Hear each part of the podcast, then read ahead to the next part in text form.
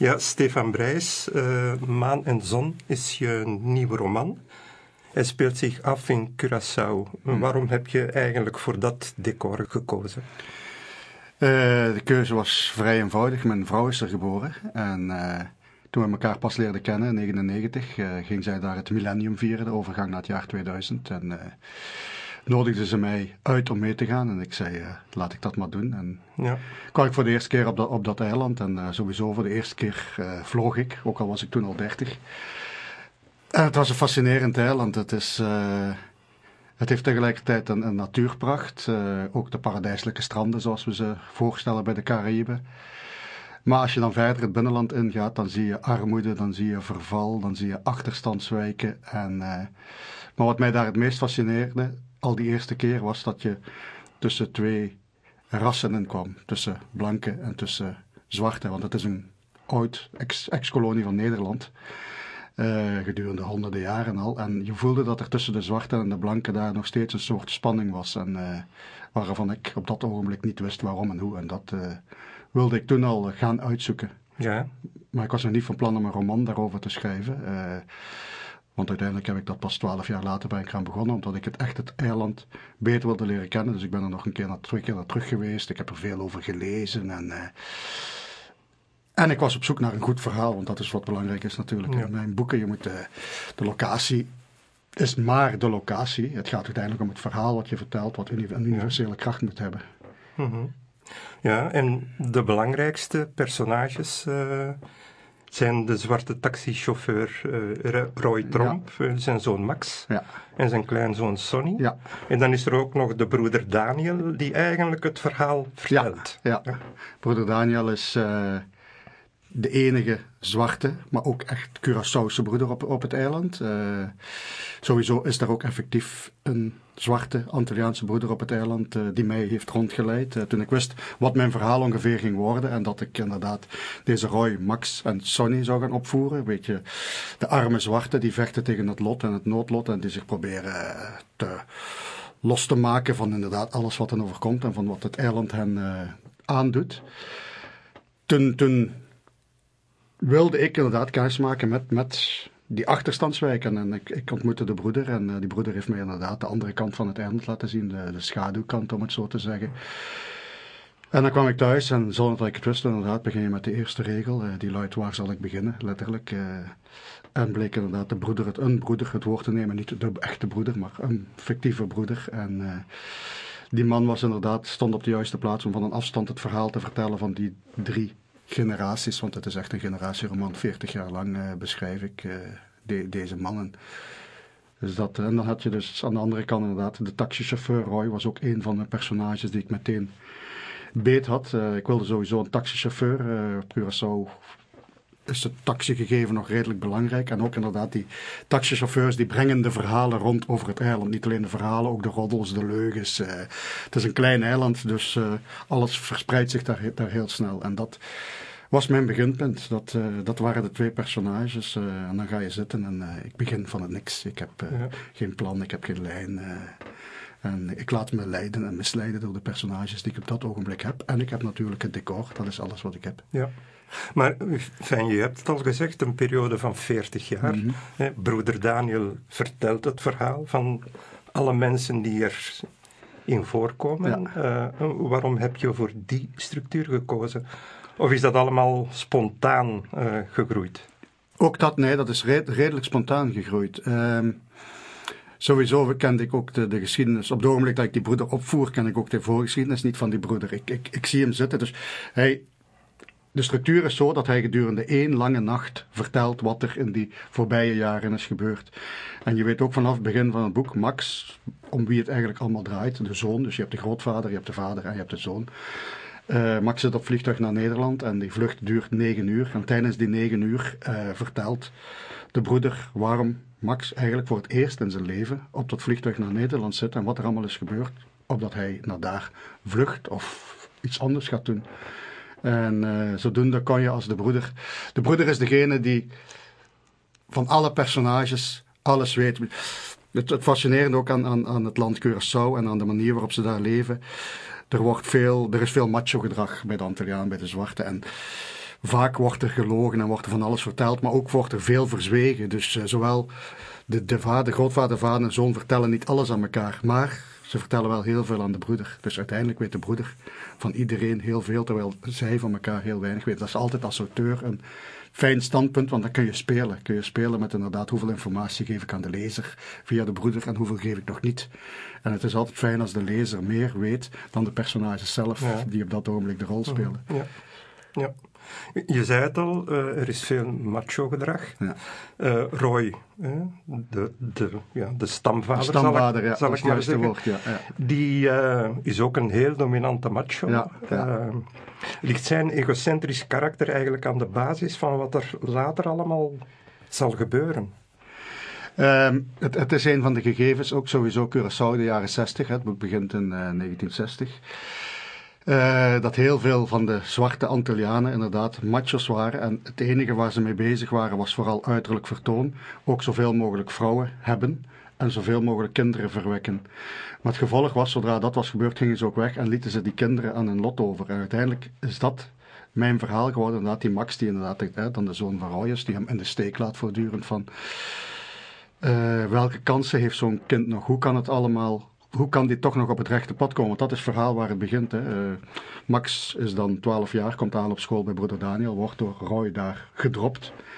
En uh, broeder Daniel ziet dat Max talent heeft. En Max wil ook onderwijzer worden en broeder Daniel wil hem daarbij helpen. Maar dan is er inderdaad de omstandigheden van het eiland, uh, de tegenwerking van de macho. Roy die vindt dat zijn zoon ook taxichauffeur moet worden. Dus het is een combinatie inderdaad van het gedrag van Roy en, maar ook de toestand op het eiland, de armoede die daar heerst en alles, dat uh, uiteindelijk heel veel wensen niet verwezenlijk worden, doordat er een soort van ja, noodlot heerst haast. Hè. Ja. Is uh, jouw boek een, een, aanklacht ook tegen uh, ja, die toestand waarin de zwarte mensen toch ja, min of meer geduwd zijn door, door Mm. Door de blanken? Uh... Ik, ik, ik schrijf nooit boeken waarin ik bewust zeg van dit is een aanklacht. Uh, ik bedoel, kijk, Engelenmaker ging ook over klonen. Kun je ook zeggen van wil je daar iets, iets aankaarten? Maar, maar onderhuids zit toch dat gevoel erin? Nou, nee, wat ik gedaan heb. Zo ervaar ik het toch? Al, oh, absoluut, maar wat ik gedaan heb is inderdaad beschreven zoals het is. Het is mijn meest realistische roman. Mhm. Dus in die zin uh, toon ik aan iedereen, aan de buitenwereld en zelfs aan veel Antillianen die er ook blind voor zijn van kijk hoe het daar gaat, misloopt, uh, hoe jullie je gedragen.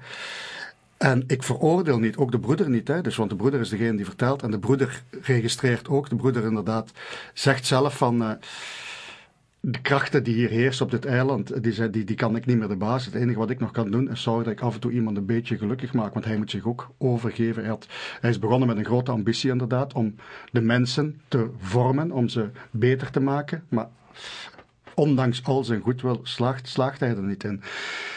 Uh, is het een aanklacht? Het is vooral een soort van.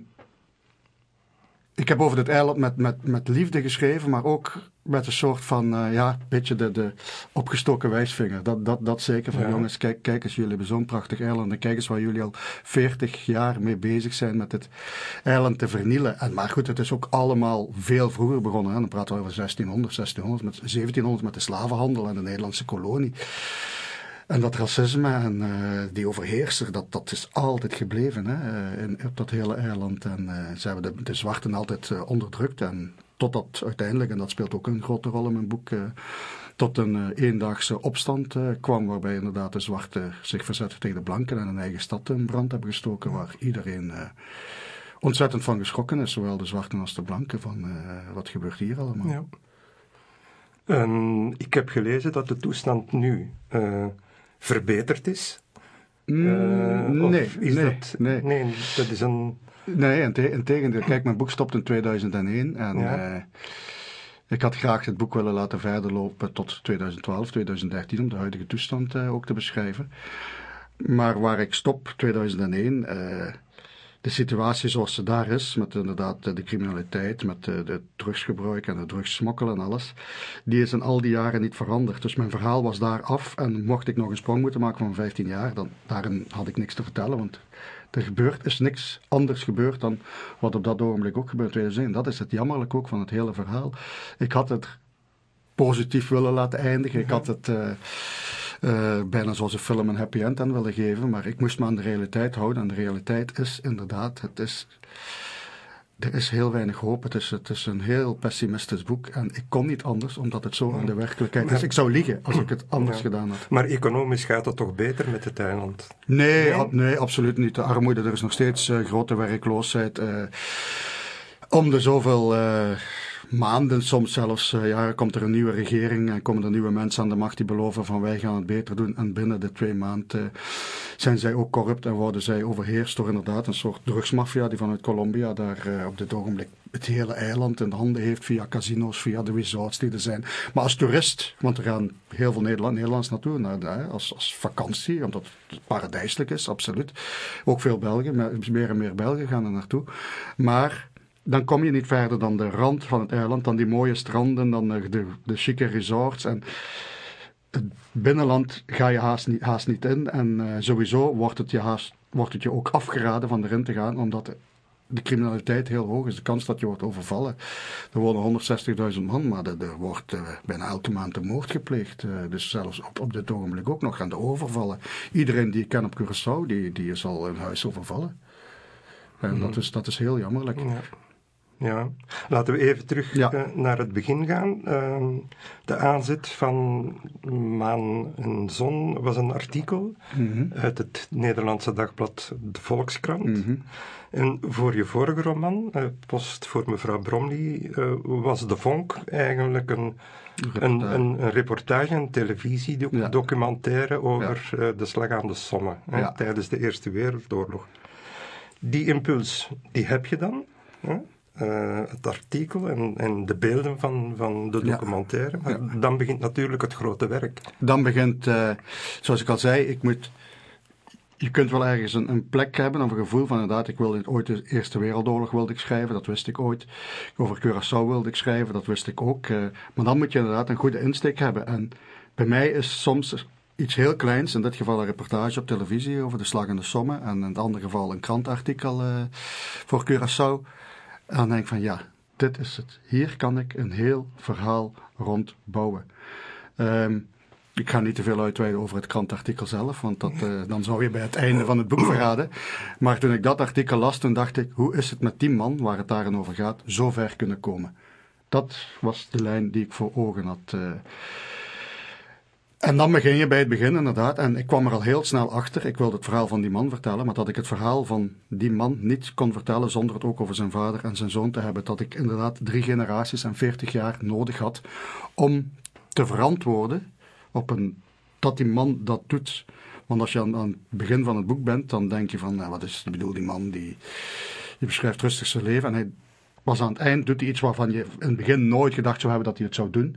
Het is heel vaak, en Bromley is het ook, en de Engelenmaker is het ook zo, dat mijn hoofdpersonages aan het eind iets doen waarvan je zegt, wow, wat doet die nu? Maar doordat je alle voorgaande pagina's en alle voorgaande jaren en stappen heb gelezen, begrijp je hoe het zover is kunnen komen. Dat is mijn boeken werken altijd inderdaad naar een soort eindpunt toe. En in dit geval voor het eerst met Curaçao uh, had ik het einde. Ik had, bij Bromley had ik het niet, uh, bij de Engelenmaker ook niet. Dus het was het allereerste boek waarvan ik wist hoe het ging aflopen. Maar dat is dan ook alles. Hè? Ja. Dat, dat, meer heb ik dan niet. Ja, ja. En daar moet je dan naartoe werken. Ja, hè? ja, ja. Um, um, die uh, ja, post voor mevrouw Bromley. Um, daar was dat, die reportage. Uh, hoe kom je dan verder? Uh, het is een beeld van, van een, een, luitenant die aan het front brieven zit te mm -hmm. censureren. Mm -hmm. En daar hang je dan een hele roman aan op. Ja, 512 pagina's ja. zelfs. het, het is. Uh, Kijk, ik schrijf heel lang aan, aan mijn romans. Uh, Bromley heb ik vijf jaar aan gewerkt, Engelenmaker vier jaar, uh, het nieuwe boek Maan en Zon drie jaar. En uh, ik heb al die tijd nodig, omdat ik inderdaad van scène naar scène, van de ene volgende pagina... Ik kan niet een scène halverwege het boek schrijven, die ik, waarvan ik al weet, dit zal ooit gebeuren. Eerst moet alles er naartoe gewerkt worden. En heel vaak gebeurt het dat ik een verkeerde weg insla. Dat ik eh, mijn personage op een bepaald ogenblik iets laat doen, een scène schrijf van drie, vier, vijf, zes pagina's. En dat ik tot constatatie kom dat het verhaal doodloopt of dat het niet past. Dus dan moet ik weer terug naar de. En het gebeurt heel vaak dat ik inderdaad verschillende verhaallijnen in mijn hoofd heb en op zoek moet gaan naar de juiste. tot ik het gevoel heb van inderdaad, dit is het, dit is... Uh, waar ik ook altijd over waak, is dat iedere stap, er gebeuren een aantal concrete dingen die overkomen mijn personages, dan is het ook iedere keer, je hebt je personage, je hebt zijn karaktertrekken, je hebt zijn verleden, en dan is het erover waken als auteur, uh, hoe gaat hij reageren op de situatie, rekening houdend met hoe hij is en wat hij heeft meegemaakt. En dat is vaak heel moeilijk, maar het maakt wel dat mijn boeken uiteindelijk, de personages, zeer realistisch zijn. Dat je altijd het gevoel hebt van, ja, dit, dit zijn levende personages, dit zijn levende mensen. En dat is, maar het is gewoon hard werken en zoeken en zoeken. Ik zou ook veel liever een schema van tevoren hebben, waarin ik weet dat gebeurt dat hoofdstuk, dat gebeurt dat hoofdstuk, dat gebeurt dat hoofdstuk. Maar dan zou ik mezelf niet meer verrassen en ik zou de lezer ook niet meer verrassen. Dus uh, dat is mijn manier van schrijven. Ja. En is dat van in het begin zo geweest? Ja, uh, altijd. Uh, elk boek dat ik geschreven heb, ik begin bij de eerste regel, ik ga naar de volgende regel, ik ga naar de volgende linia, ik ga naar het volgende hoofdstuk en dan kom ik aan het eind. En, en tussenin moet ik heel veel weggooien van wat niet past binnen de lijnen van het verhaal of binnen, bij het karakter van het personage. Mm -hmm, ja.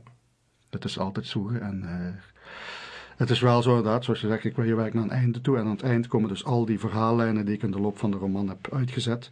Is het de kunst, en tot nu toe is het mij altijd gelukt om die verhaallijnen samen te brengen naar dat einde. En dat je geen enkel lijntje meer laat liggen. En dat is ook een kwestie van er ook dag en nacht mee bezig zijn. Als ik een roman begin, uh, gedurende drie, vier of vijf jaar, die laat mij niet meer los. Het hoofd is nooit meer leeg. Op elk ogenblik lopen die personages daarin rond en ben ik bezig met situaties te verzinnen en met uh, het vervolg uh, te formuleren in mijn hoofd of te kijken wat, wat is de, een mogelijke stap.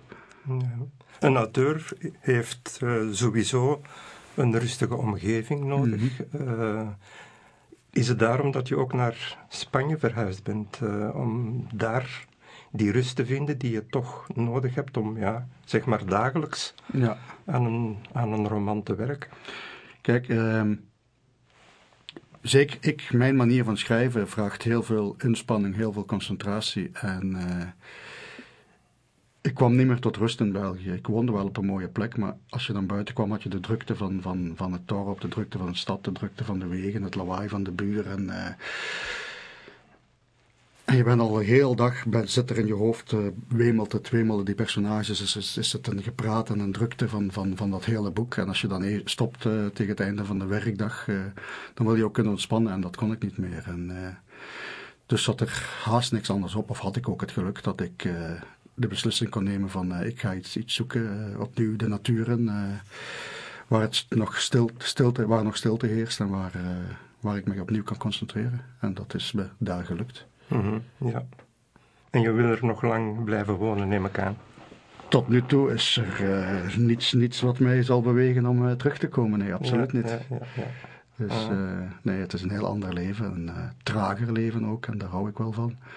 En gewoon, ik heb ook veel meer tijd voor mezelf. En om zelf weer veel dingen te kunnen lezen. En me te kunnen concentreren op het schrijven. Ja. Hm. Uh, de Engelenmaker mm -hmm. uit 2005 is de roman die je groot heeft gemaakt. Mm -hmm. uh, het boek won diverse prijzen. Het is internationaal ook aan een uh, serieuze carrière bezig, ja, zal ik maar ja. zeggen. Um, en ja, het groeide uit tot een blijver. Ook in het Nederlandstalig ja. gebied worden nog altijd exemplaren verkocht met dank aan je lezers, denk ik dan, uh, omdat uh, ja, de Gouden Uil toch ja. de, beste, uh, de prijs van de lezer, van, van de lezer gekregen ja. heeft. Het, het, boek is echt on, ontdekt door de lezer. ik had op dat ogenblik al iets van vier, vijf boeken geschreven, een paar romans en essaybundels. En toen kwam die Engelenmaker en ik weet nog dat dat op 3000 exemplaren werd gedrukt. En dat ik zei, ik zal blij zijn als er eens een tweede druk komt. Dus hoger lag mijn ambitie op dat ogenblik niet. En die eerste 3000 waren na een paar maanden uitverkocht. Maar dan bleef het een beetje stil. En toen kwam ineens inderdaad een nominatie voor de Gouden Uil en tegelijk voor de Libris ook in Nederland. En dan kreeg ik de Gouden Uilprijs van de lezer. En opeens gingen mensen dus vanwege die prijs... Uh, dat boek kopen en lezen. En kwamen ze inderdaad, uh, raakten ze daardoor gefascineerd. En gingen ze het aan elkaar doorgeven, gingen ze het aan elkaar vertellen van dit boek moet je lezen, het is een fantastisch boek, het is een fantastisch boek. in eerste instantie was ik, was ik een, beetje, een beetje boos, want ik dacht, ja maar jongens, het boek is niet anders omdat het een prijs gewonnen heeft. Uh, het, het, was al goed, uh, maar jullie hebben blijkbaar inderdaad die prijs nodig. Nu achteraf denk ik inderdaad, er is zo'n groot aanbod altijd. Dus de, je, je moet op een of andere manier door iets er toch uitspringen. En met je boek alleen kun je dat, uh, kun je dat niet meer. En dat is die prijs geweest. Ja, en dat heeft iets in gang gezet uh, wat tot op de dag van vandaag, tien jaar later, niet stopt. We zitten ruim over 180.000 uh, ja. exemplaren verkocht. 42ste druk. En iets van 16 of 17 talen. Dus uh, het, gaat, het gaat maar door. En daar ben ik uh, alleen maar blij en dankbaar om. Want uh, het geeft mij de ruimte om inderdaad nieuwe boeken te schrijven. En om ook heel veel tijd te besteden om die boeken te schrijven. Ik uh, kan zonder tijdsdruk werken en dat, dat heb ik ook nodig. Ja. Die 180.000, dat is uh, Nederlandstalig, neem ik aan. Ja, ja, is alleen Nederlandstalig. Dus internationaal? Ja, ja, daar, nog... daar ook, komt, komen daar ook nog uh, zoveel tienduizenden bij, ja. Ja, ja, ja. ja. Mm -hmm. En als je dan een, een volgende boek uh, schrijft, in dit geval Post voor mevrouw Bromley, hoop je dan, reken je dan ook op, op die massale verkoop? Of uh, nou, je ben je daar eerder uh, afwachtend ja, in? uiteindelijk, je hoopt dat altijd, hè, zo ijdel ben je wel. Maar in mijn geval was het belangrijkste dat er opnieuw een groot boek kwam. je zat met die engelenmaker en, en het prettige vooral was terwijl ik de Engelenmaker schreef, zat er niemand op een boek van mij te wachten, want ik was onbekend. En toen die Engelenmaker er was, waar ik ook kwam, uh, kreeg ik de vraag van, uh, wanneer komt je volgende boek? Ook heb ik heel veel lezingen ineens moeten geven. Ik ben echt, uh, ik denk, meer dan 100 lezingen in Vlaanderen en Nederland gaan vertellen over het boek, gaan praten met lezers, omdat het toch zo'n grote impact vaak had.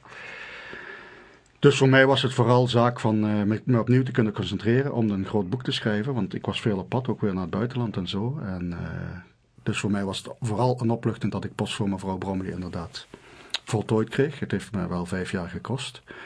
En dat het uiteindelijk, en daar was ik dan helemaal blij om, ook weer gretig uh, naar de lezers toe ging. En de lezers ja. ook, uh, en ik was gisteren op de boekenbeurs en je merkt, de ene zegt Engelenmaker vind ik het beste boek dat je ooit geschreven. En de andere zegt ja, maar ik vind pas voor mevrouw Bromley veel beter. En dat is goed. Want stel dat iedereen zou zeggen ja, met de Engelenmaker kun je ja. jezelf niet meer overtreffen. Dat is dus gelukkig niet geweest.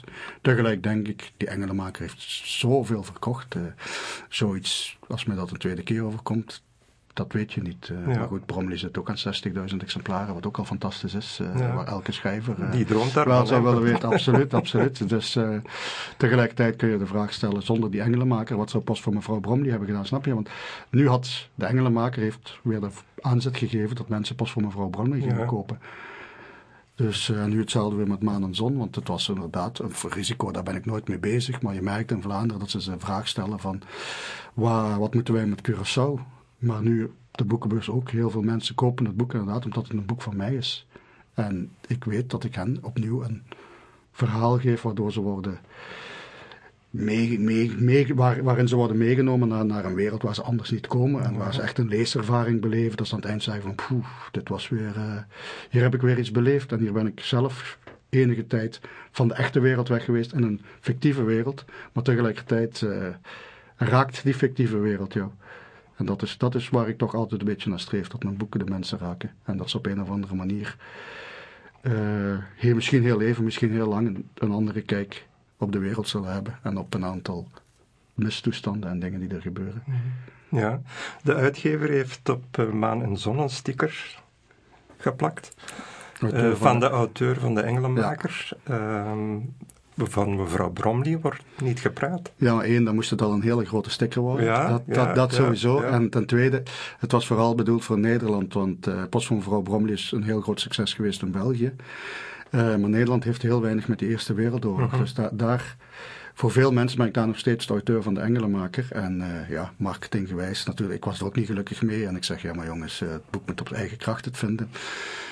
Maar daar wordt dan over gebrainstormd door marketeers en daar heb ik geen kaas van gegeten, dus dat laat ik ja. aan hen. En daarom staat, je hebt er als, auteur, als auteur heb je ook niks in te brengen op dat Jawel, jawel, jawel, ze luisteren absoluut. Maar ik zeg van absoluut, ik wil het niet. Ik, ik wil het niet, dan, dan doen ze het ook niet. Maar uiteindelijk mm -hmm. ga je op, trouwens op, op uh, post van mevrouw Brommel, stond ook auteur van de Engelenmaker. Uh, ja, maar dan dat, vooral, dat is misschien ja, wel logisch, omdat ja. het vorige... Nee, maar hier is het echt in het geval Nederland... Uh, heeft niet zozeer, Brommel heeft het daar ook 10, 20.000 verkocht, maar daar is het toch een beetje aan de aandacht ontsnapt omdat ze heel weinig met de Eerste Wereldoorlog hebben. Maar Ja. degenen die het dan gelezen hebben, die beseffen dan ook weer, ja, dit moet je lezen.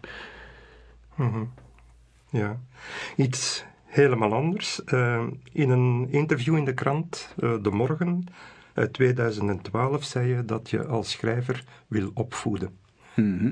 Wat bedoel je daar precies mee?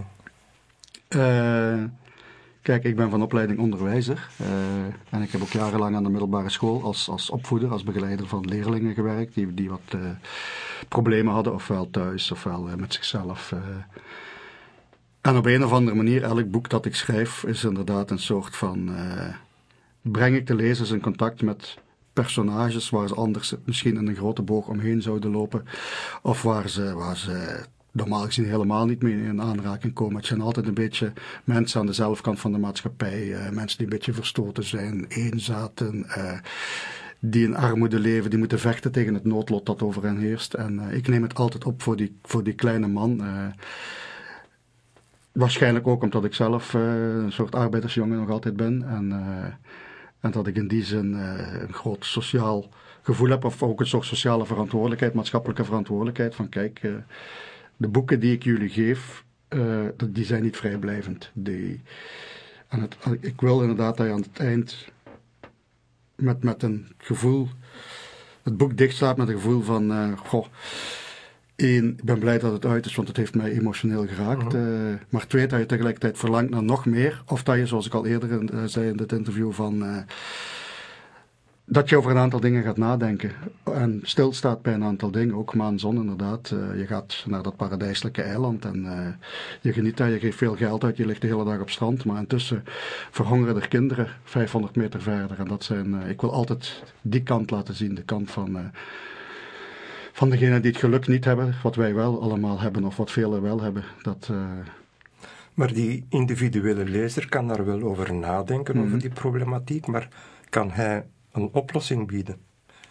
Eh, daar zijn toch andere. eh, Nee, dat, ik, vraag, ik, ik vraag ook niet van eh, bied een oplossing. Ik, ik, wil, ik wil gewoon tonen. Ik wil aan het tonen, kijk, zo is het ook. En ik weet dat hij bijvoorbeeld over Post voor, voor mevrouw Bromley zijn heel veel mensen die nooit iets over de Eerste Wereldoorlog hebben gelezen, omdat het allemaal non-fictie was of te ernstig, te serieus. En die dankzij mijn boek ineens besefte hoe het geweest was voor die jongens tijdens die wereldoorlog. Hoe gruwelijk, hoe pijnlijk het allemaal was. Ook voor de families die achterbleven. En dat is de kracht van een roman. Hè? Dat is de kracht van, je brengt mensen naar plaatsen waar ze anders nooit komen. Ik, ik heb de kracht en de macht om hen inderdaad eh, ja, bijna met, met een eh, neus in de boeken te duwen en te zeggen van kijk, hier, hier moet je, dit moet je nu lezen. En je beseft haast niet als lezer, eh, omdat er ook altijd een soort spankracht in die roman zit, wat ik jou allemaal laat ervaren onderweg en van welke toestand ik jou allemaal laat, laat kennismaken. En eh, daarom zei ik ook altijd, ik moet eerst een goed verhaal hebben. Ik moet eerst, voor ik aan een boek begin, moet er ergens iets zijn waarvan ik weet, dit is een verhaal waarmee ik inderdaad eh, de mensen weer aan het lezen breng. En tegelijkertijd, terwijl ze lezen, hun blik laat verruimen. Dat, dat is eh, een beetje wat ik altijd hoop te doen. Het, het, ik wil geen cliché-verhalen schrijven. Het, ik wil verhalen schrijven die nog niet zijn geschreven. Ja.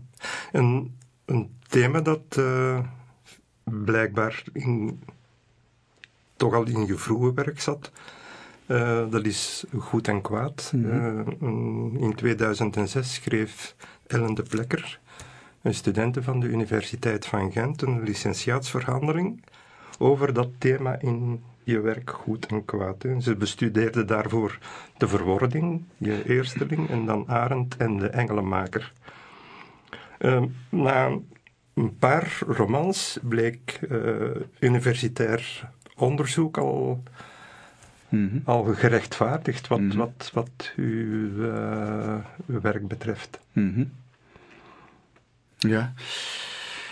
Uh, kijk, op een bepaald ogenblik heb je als, als auteur natuurlijk een, wat, wat mensen, zeker journalisten of wat academici, altijd proberen is een soort lijn te zien in, in, in je werk. Uh, ik zelf begin die nu ook te ontdekken, omdat inderdaad mensen me vertellen, ja, maar het gaat altijd daarover. Of dat komt, die thematiek komt altijd terug. Ook wat heel vaak terugkomt is inderdaad ouders, kinderen. Die relatie, die, die speelt een grote rol. Uh, Maar verder ben ik daar niet mee bezig. Ik ga zitten en ik schrijf mijn verhaal en aan het eind inderdaad gaan mensen dat bekijken en zeggen van ja, dit, dit komt weer terug. Ik zoek het niet, laat ik het zo zeggen. Het komt, eh, die dingen komen vanzelf. Uh... Heeft die Ellen de Plekker jou gecontacteerd? Om... Nee, dat is voor het eerst dat ik over haar hoor. Ah, je wist het gewoon niet. Nee, nee, nee, dat, dat ken ik niet. Nee, ja, ja, ja, ja, ja, Nee, dus, en ik vind dat prima zo. Uiteindelijk, uh, kijk, als je als, als student of zoiets met mijn werk wil doen, doe het dan inderdaad met mijn werk. Ik als auteur ben volstrekt onbelangrijk. Het gaat om mijn boeken. Uh, liefst van al zou ik zelfs verdwijnen en geen interviews geven en alleen maar mijn boeken schrijven. Maar in de huidige wereld kan dat niet, want uh, je moet je af en toe laten zien, want anders wordt er niet over je gesproken, hoe goed je boeken ook zijn. Uh, dus ik kom af en toe nog naar hier om me te laten zien en erover te praten. En dan horen de mensen eens, ach ja, die Brijs heeft een nieuw boek, want, en dan bestaat de kans weer dat ze het toch gaan kopen. Maar voor mij het liefst, hier zijn mijn boeken, laat mij met rust, dat zou ik het liefst willen doen. Alles staat daarin en trek je conclusies daaruit en geniet ervan. En uh, verder zal ik jullie over zoveel jaar weer een volgend boek geven. Ja. Um, in 99, 1999 uh, besloot je om voltijds schrijver mm. te worden. Hè? Je had toen enkele boeken geschreven, die qua verkoop niet zo goed liepen. Zeg maar slecht. slecht zelfs dan, ja. Je had ook al wel een aantal krantenbijdragen mm. uh, gepubliceerd. Um, maar je had wel contact met Jeroen Brouwers. Mm. Dat, daar wordt van gezegd nu dat hij je mentor was. Nee, dat is zo. Dat, dat is zo. zo. Um, ja, heeft hij je aangezet om, uh, de moed gegeven om, om het niet op te geven? Want ik neem aan dat als je schrijft en je boeken lopen voor geen meter, je hebt geen lezers, dat je begint te twijfelen. Ja, maar kijk, dan moeten er in Vlaanderen sowieso honderden schrijvers elke dag opnieuw stoppen. Hè? Want uh, laten we zeggen, 95% van de schrijvers verkoopt helaas geen 500 exemplaren van, van zijn boek. Uh, dat is gewoon een realiteit. Dat is de realiteit die ik ook uh, gedurende tien jaar heb ervaren, of, of vier, vijf jaar met mijn eerste boeken. En, maar uiteindelijk als schrijver heb je de dwang, voel je de dwang om te kunnen schrijven. En ik ben inderdaad gestopt met uh, mijn werk op school, terwijl ik daar een voltijd benoemd was zelfs. Mm Wetende dat ik veel minder zou verdienen, of zelfs sowieso niet wetend wat ik nog zou verdienen. Maar ik wilde schrijven en uh, daar zou ik alles voor opgeven. En, uh, ik kan me de vraag stellen, maar die stel ik, die stel ik me niet. Van, stel dat Engelenmaker geen succes was geworden, wat dan? Ik, weet het niet, ik zou het niet willen weten. Waarschijnlijk zal ik, zou ik eh, uiteraard weer een nieuwe boek hebben geschreven. Misschien was ik gefrustreerd geraakt, kan ook. Uh, ik heb het geluk gehad inderdaad dat dat boek er bovenuit gesprongen is. En het is een kwestie, denk ik, uh, in alle bescheidenheid van inderdaad talent en hard werken. En inderdaad een, mooi eindproduct leveren, maar ook van een boek op het juiste moment te kunnen uitbrengen. En geluk te hebben dat inderdaad dat het wordt opgepikt. Stel dat het die Gouden Uilprijs van de lezer niet had gehaald of die nominatie dan weet je het ook allemaal niet. Hè? Dus, ja, dus maar, maar ik, ik, ga dan ook niet op mijn lauren rusten. Ik, ik streef ernaar om iedere keer weer een nieuw groot boek te maken. Dat is met Bromley gedaan. Dat is nu met Maan en Zon, waar ik dan ook weer bang voor was. Van, is het wel gelukt? dat, dat is de angst die ik in het begin absoluut had. Maar nu, nu het boek uh, maand oud is en de recensies zijn verschenen en de lezersreacties en je ziet de rij staan als je gaat signeren dan ben je gerustgesteld en denk je, hè, hè, uh, nu kan ik straks weer naar huis en kan ik bevrijd aan een nieuw boek beginnen. Ja. Want ik, enfin, ik weet het, uh, uitgevers die blijven geen uh, geld investeren in, mm -hmm. in, in, schrijvers die ja, een eerste boek uitbrengen. Matige verkoop, uh, tweede boek matige mm. verkoop, derde boek, er zal al over nagedacht worden dan. Dat, dat, ge, dat gebeurt meer en meer. Maar wat ik ook merk is dat uh, jonge schrijvers zelf ongeduldig worden en uh, vaak de schuld bij de uitgever dan leggen en, en dan van een uitgever verwisselen. Daar zien dat hetzelfde gebeurt, maar nooit naar zichzelf zullen kijken van zijn mijn boeken wel goed genoeg? Werk, leg ik de lat voor mezelf wel hoog genoeg? Ja. veel van mijn collega's schrijvers, zeker de jongere generatie, publiceert elk jaar een boek. dan denk ik ja. Wat is je bedoeling dan? Uh, 30 boeken te schrijven in heel korte tijd en hoop dat er eentje scoort? Of uh, wil je twee, één boek schrijven waar je heel je ziel in legt? En, uh... Je moet jezelf dus in vraag durven stellen. Oh, ik doe het elke dag opnieuw. Ja. Bij elke zin opnieuw. Dat, dat verandert niet na twintig jaar schrijven. Mm. Integendeel. Maar dat vertraagt eh, uiteraard het, het schrijfproces, Ja. zoals je aangeeft. hè. Maar je krijgt wel wat moois in de plaats. Hè? Ja, dat is waar. ja, je hebt het ook al even aangehaald. In interviews heb je al een paar keer gezegd dat je pakken geschreven pagina's gewoon weggooit. Mhm. Als je voelt dat het ja, niet in het geheel meer Mm. past. Voor maan en zon heb je dat ook weer gedaan. Ja. Hoe moeilijk is dat? Moeilijk niet zozeer, wel pijnlijk iedere keer. Ja. Eh, je hoopt iedere keer als je aan een nieuwe roman begint dat het deze keer wel eens vlot zal gaan. En dat gaat meestal ook de eerste 10, 15 pagina's gaat dat vlot. En dan is het toch weer iedere keer eh, een gevecht. eh. En ik heb me daarbij moeten neerleggen dat het altijd zo zal zijn. eh, dat ik bij elk nieuw boek zal moeten vechten. ook omdat, zoals we aan het begin zeiden, ik, ik weiger, en ik kan het ook niet, om, om met een plan te werken, om met een, een vooropgezet schema te werken. En dat is het gevolg. Dat is het gevolg. eh, dat je inderdaad veel moet schrappen, veel moet weggooien. En zelfs tot in. Zelfs als het boek af is en je, je, je leest alles, dan nog kan het zijn dat je hele scènes eruit gooit waarvan je denkt: dit vertraagt de roman, of dit is toch weer overbodig. Of, eh, En dan doe ik het eh, met pijn in mijn hart. En dat, ook dat is weer iets waarvan ik merk bij boeken van eh, jongere collega's die ik lees, dat ze die moed niet opbrengen. Of dat er ook niemand is. Ik heb het geluk van een heel strenge redacteur te hebben die hen daar ook op wijst eh, en zegt van ja, zou je dit of dat niet? Eh, nee, veel, veel boeken verschijnen op dit ogenblik zonder al te veel begeleiding. Ja. En reken je dan op die redacteur om, Ja, om maar je- jou oh, op het goede pad terug te krijgen? ja, ja, ja, ja, ja. Kijk, je hoopt altijd van, eh, als je het dan inlevert, dat manuscript, dat die redacteur zal zeggen van, wauw, fantastisch Stefan. En ik weet, mocht ik de, laten we zeggen, de voor, voorlaatste versie van Maan en Zon, mocht ik die aan een andere uitgeverij hebben aangeboden, dat ze het fantastisch zouden gevonden hebben en meteen uitgegeven.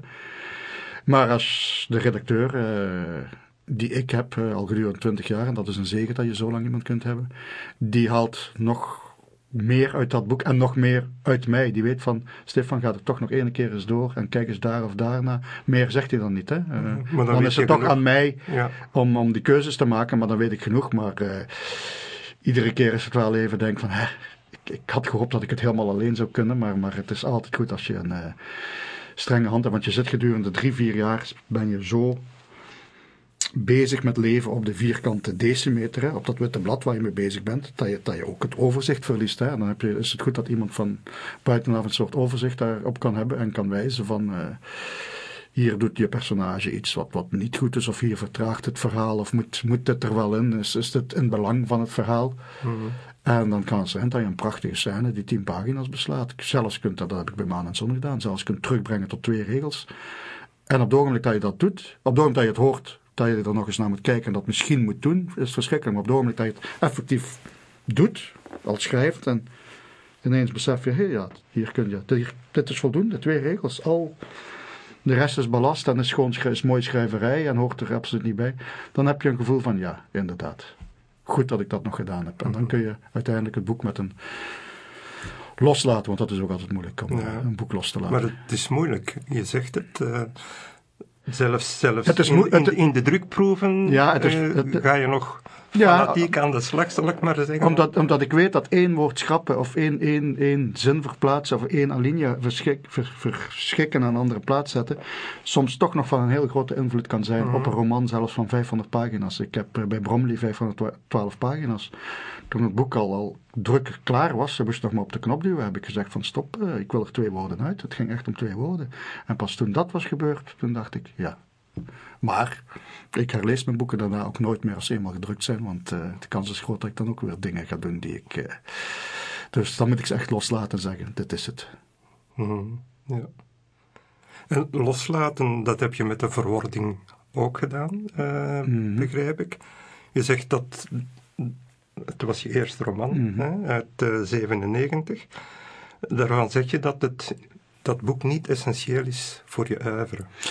Eh, essentieel is, het is wel essentieel, want als ik dat boek niet had geschreven, waren waarschijnlijk de andere boeken niet. eh, Nooit verschenen. Het was het boek wat ik moest schrijven, maar het was eh, vooral aanstellerij. Het was mooie schrijverij. Ik was op dat ogenblik, we hebben het al genoemd, Brouwers een beetje aan het nabootsen. Met, eh, maar ja, Brouwers, dat, dan meet je je meteen met een hele grote meester. En ik, ik was vooral in dat boek aan zien, wel, laten zien van hoe mooi ik wel kon schrijven. Maar ik was vergeten een verhaal te vertellen. En pas later kwam ik er zelf achter dat ik inderdaad uh, een verhalenverteller ben. Dat, dat, dat dat de kracht van mijn roman, romans is. Uh, en, en, vaak uh, een, een soberder stijl dan wat ik, wat ik in die, de verhouding gebruik. En daarom zeg ik ook, die verhouding mag niet herdrukt worden. Want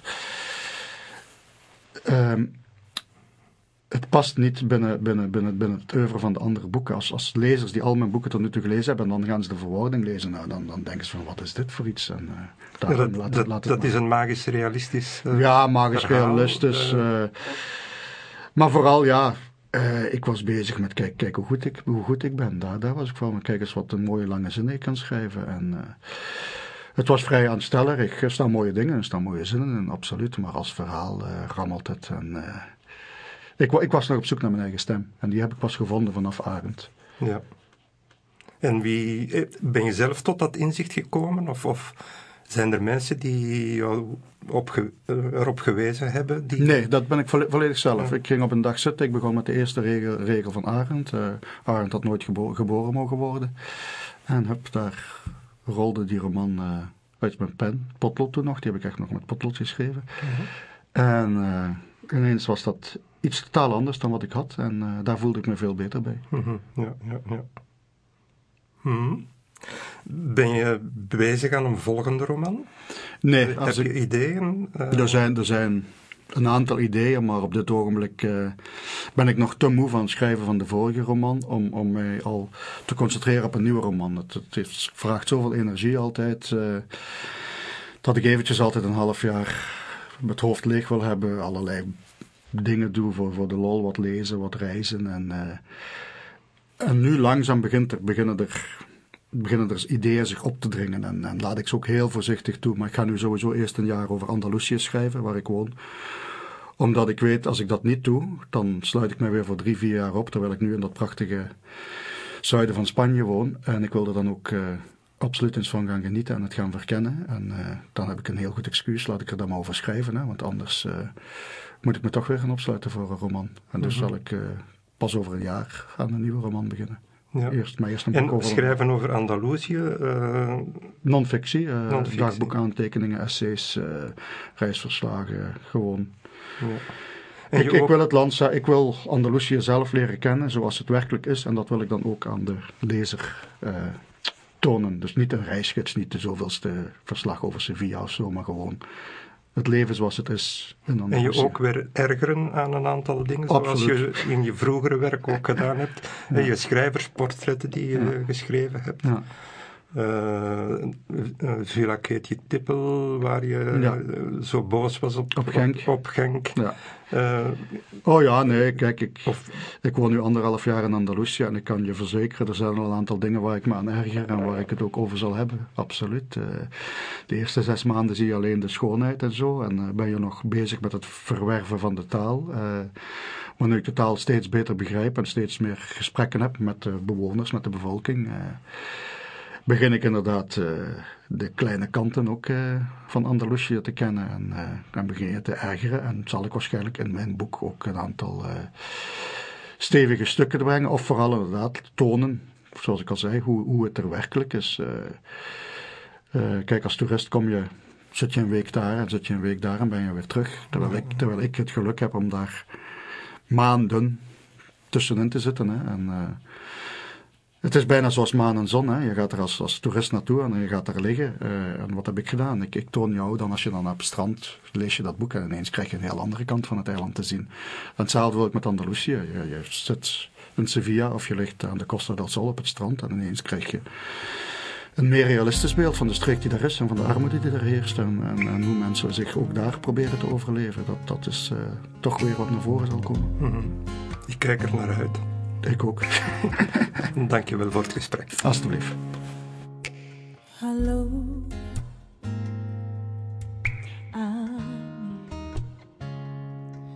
Mi llama para recordar y yo escuchaba voz, man papia diabo.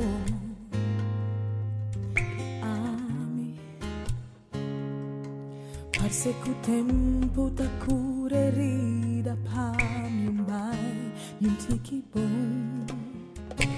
Hello, ¿estás escuchando? Mi pasa llorando y soñando di el tiempo tan feliz, uno estaba tan joven y un sueño sin fin.